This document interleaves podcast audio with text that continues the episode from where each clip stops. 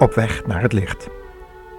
Een speciaal Bijbelstudieprogramma van de Stichting Adulam over Habakkuk 3, vers 2 tot 6, 1 Petrus 4 en 1 Korinthe 11.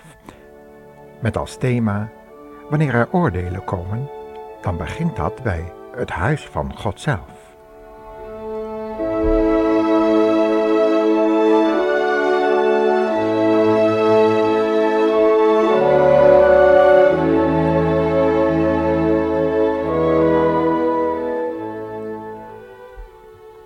Bedroefd zat het echtpaar aan het ziekbed van hun jonge zoon. Het zag er niet best uit en de doktoren hadden geen kans gezien om het juiste medicijn tegen de koorts te vinden. Er moest snel wat gebeuren, anders zouden ze hun zoon voor hun ogen zien sterven. Hoewel de vader zich altijd vroom had voorgedaan en zich bewust was van zijn hoge roeping als voorganger van een heel groot volk, was zijn snelle carrière beslist niet over rozen gegaan. Hij had een andere baan moeten zoeken, omdat zijn vorige werkgever bemerkt had dat hij wel eens in staat zou blijken om het hele bedrijf over te nemen, met personeel en al. We hebben het over een koning van een lang vervlogen tijd. Koning Jerobiam, eens een van de machtigste en meest gewaardeerde mannen in het gevolg van de beroemde en wijze koning Salomo. In een grote crisis, ontstaan na de dood van Salomo, was het tot een scheuring gekomen onder Gods volk. Israël moest toen kiezen onder welke leiding ze verder wilden gaan. Onder de nakomeling van Salomo, dat was uh, koning Rehabiam, of die intelligente Jerobiam, een van Salomo's beste onderdanen en medewerkers. Een man waarvan je beslist kon zeggen dat hij begiftigd was met grote gaven. Door middel van een oproep tot de revolutie en met behulp van de oprichting van een soort religieuze schaduwdienst met zelfgekozen voorgangers en priesters had hij weten te bereiken dat het grootste gedeelte van het volk zijn zijde koos. Maar zijn religieuze herwaardering van die gevestigde eredienst had godskeuring niet. Integendeel. En nu was het oordeel zijn huis binnengekomen en lag zijn opvolger ernstig ziek op bed, zijn zoon. Hij bedacht hoe een profeet Juda hem tot koning over dat tienstammenrijk had gezalfd. En die profetische woorden, om toch vooral trouw te blijven aan de hem overgeleverde inzettingen van Mozes, die hadden hem nog lang in de oren nageklonken. Maar hij had ze niet echt in zijn hart opgeborgen. Ze waren hem meer een last geworden, waarvan je op de duur moest ontdoen. Toch moest hij weten hoe die toekomst van zijn jonge zoon eruit zou zien. Zou hij toch nog kunnen rekenen op een opvolger? Laten we eens luisteren hoe hij zich vervolgens in die geschiedenis uit 1 Koningen 14 vers 2 heeft gedragen. Toen droeg Jerobiam zijn vrouw op, vermom je, zodat niemand je herkent als de koningin. Ga naar de profeet Ahia in Silo. Dat is die man die mij vertelde dat ik koning zou worden. Vraag hem of die jongen weer beter zal worden.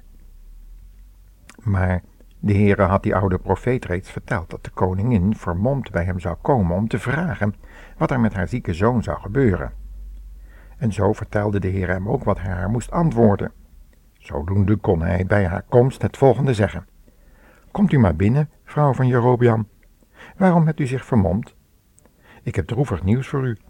Geef uw man maar deze boodschap. Het is van de Heere, de God van Israël. Ik bevorderde u vanuit de rangen van het gewone volk en maakte u koning over Israël. Ik rukte het koninkrijk uit de handen van Davids familie en gaf het aan u. Maar u hebt mijn geboden niet gehoorzaamd, zoals mijn dienaar voor u. U hebt andere goden gemaakt en mijn toorn opgewekt met die gouden kalveren van u. En omdat u mij zo duidelijk hebt genegeerd, zal ik een ramp over uw leven brengen en al uw zonen vernietigen, zowel de getrouwden als de vrijgezellen. Ik zal uw familie wegvagen, zoals een staljongen de mest uit de stal wegveegt. Zo moest die vrouw onverrichte zaken naar haar stad en echtgenoot terugkeren. In plaats van een zegen ontving ze een vloek. Haar kind zou immers sterven. Niemand was er die haar troosten kon.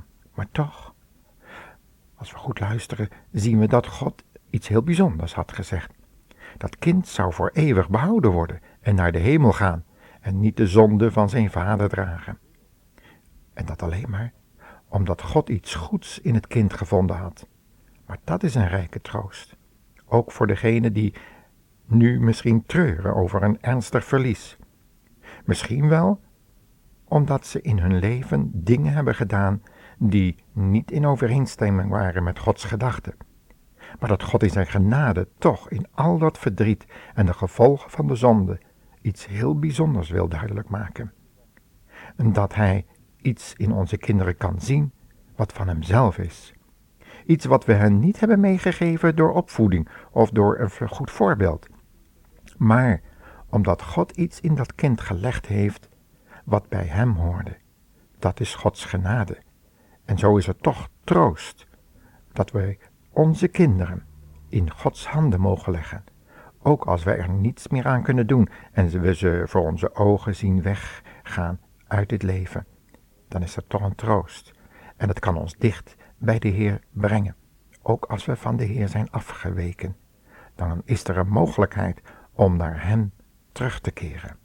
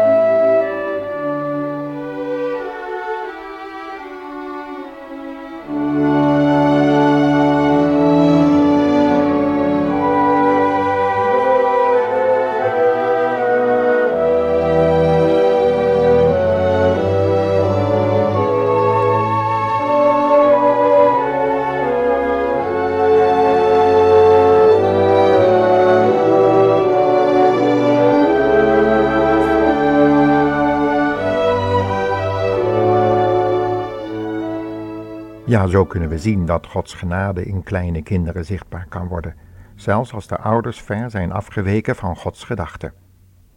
Ook zien we dat als die ouders weet hebben gehad van Gods gedachten, dat God begint vanuit zijn eigen huis te oordelen, bij mensen die naar zijn naam genoemd zijn. En dat is een ernstige les. Er is een spreekwoord dat heet: het bederf van het beste is het slechtste. En toch tegelijkertijd, midden in die oordelen en midden in die grote afval die we ook in deze tijd beleven, heeft God zo zijn uitverkoren volk. En dat kunnen mensen zijn die oud zijn of jong, maar waarvan geschreven kan worden dat ze weggeraapt worden voordat het kwaad komt. En dat zij zullen rusten op hun legersteden. Steeds weer opnieuw neemt God mensen tot zich in tijden van verval in tijden van grote misdaden, dan zijn er toch weer steeds mensen die daarover wenen en zuchten en die het kruisteken op hun voorhoofd krijgen. Met andere woorden, die vervuld zijn met het kruis van Jezus Christus. Deze mensen, die kunnen door God weggeraapt worden, elk moment van de dag. En, het Nieuwe Testament zegt het al, er komt een tijd dat de gemeente zal opgenomen worden, de Heere tegemoet in de lucht, te midden van vele verwarring, afval en onkunde van datgene wat God in zijn woord gezegd heeft. In Habakkuk 3, vers 2 tot 6, daar zegt de profeet het volgende, wat direct met ons onderwerp verband houdt. Heren, ik heb van uw roemruchte daden gehoord en ben met ontzag vervuld voor wat u gaat doen. Laat uw daden herleven in deze tijd en maak uw kracht openbaar. Al bent u dan toornig geworden, vergeet toch niet met medelijden ons te slaan. God komt over de woestijn vanaf de berg Sinaï. Zijn majesteit bedekt de hemel, de aarde is vol van zijn lof. Hij schittert als het zonlicht, uit zijn handen schieten lichtstralen. Daarin is kracht verborgen. Voor hem uit gaat de pest, en de koorts volgt hem op de voet.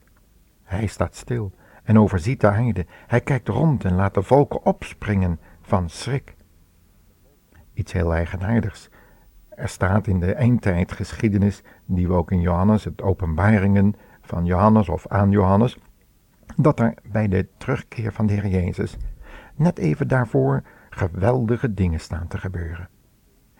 Dat zijn oorlogen en dan ook pestilentiën, pest. Alles wat er hier geschreven staat bij Habakkuk, dat zal voor de komst van de Heer Jezus terugkeren En heel vaak landen die door oorlogsgeweld worden geteisterd, dat gaat heel vaak gepaard met allerlei ziekten waar geen kruid tegen gewassen is. En allemaal gebeurt dat opdat de mensen tot zichzelf komen, zoals die verloren zoon. En leren te zeggen, ik heb gezondigd tegen de hemel en voor u, en terugkeren tot de God van hemel en aarde, en hem weer hun Heer noemen, en naar zijn gedachten gaan leven. Dan kan dat oordeel afgewenteld worden. Is het daarom dat zowel Petrus als Paulus spreken van zwakheid, ziekte en dood in de gemeente van God, zoals dat in 1 Korinthe 11 zo duidelijk wordt besproken? Omdat er nog zoveel onbeleden kwaad is, zoals in de geschiedenis van Jerobiam, van, ja, ook van Rehabiam, die zoon van Salomo, die het zo goed wist en het toch niet in praktijk bracht. Omdat er zoveel dingen ook in onze erediensten zijn binnengeslopen die niet in overeenstemming zijn met Gods heiligheid en eer, dat wij daarom als gelovigen vaak geen onderscheid meer kunnen zien tussen goed en kwaad? Petrus schreef in dat verband: Het is tijd dat het oordeel begint bij het huis van God. En indien het eerst van ons begint, wat zal dan het einde zijn voor hen die het evangelie van God ongehoorzaam zijn? En als de rechtvaardige nauwelijks zalig wordt, waar zal dan de goddeloze en de zondaar verschijnen? Paulus zegt dan in dat verband bij de Corinthiërs, waar dat ook allemaal gebeurde, ziekte, moeilijkheden, dood, opstand, twist. Daarom zijn er onder u vele zwakke en zieken, en vele zijn ontslapen. Maar als wij geoordeeld worden, is dat omdat wij van de Heere getuchtigd worden, opdat we niet samen met de wereld zouden veroordeeld worden.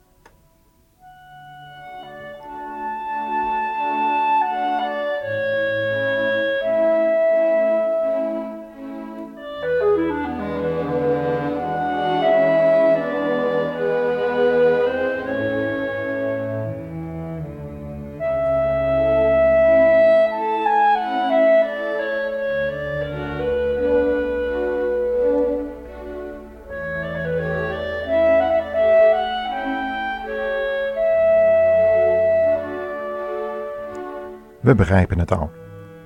God wil zichzelf heiligen in de mensen die zijn naam aanroepen of naar zijn naam genoemd zijn.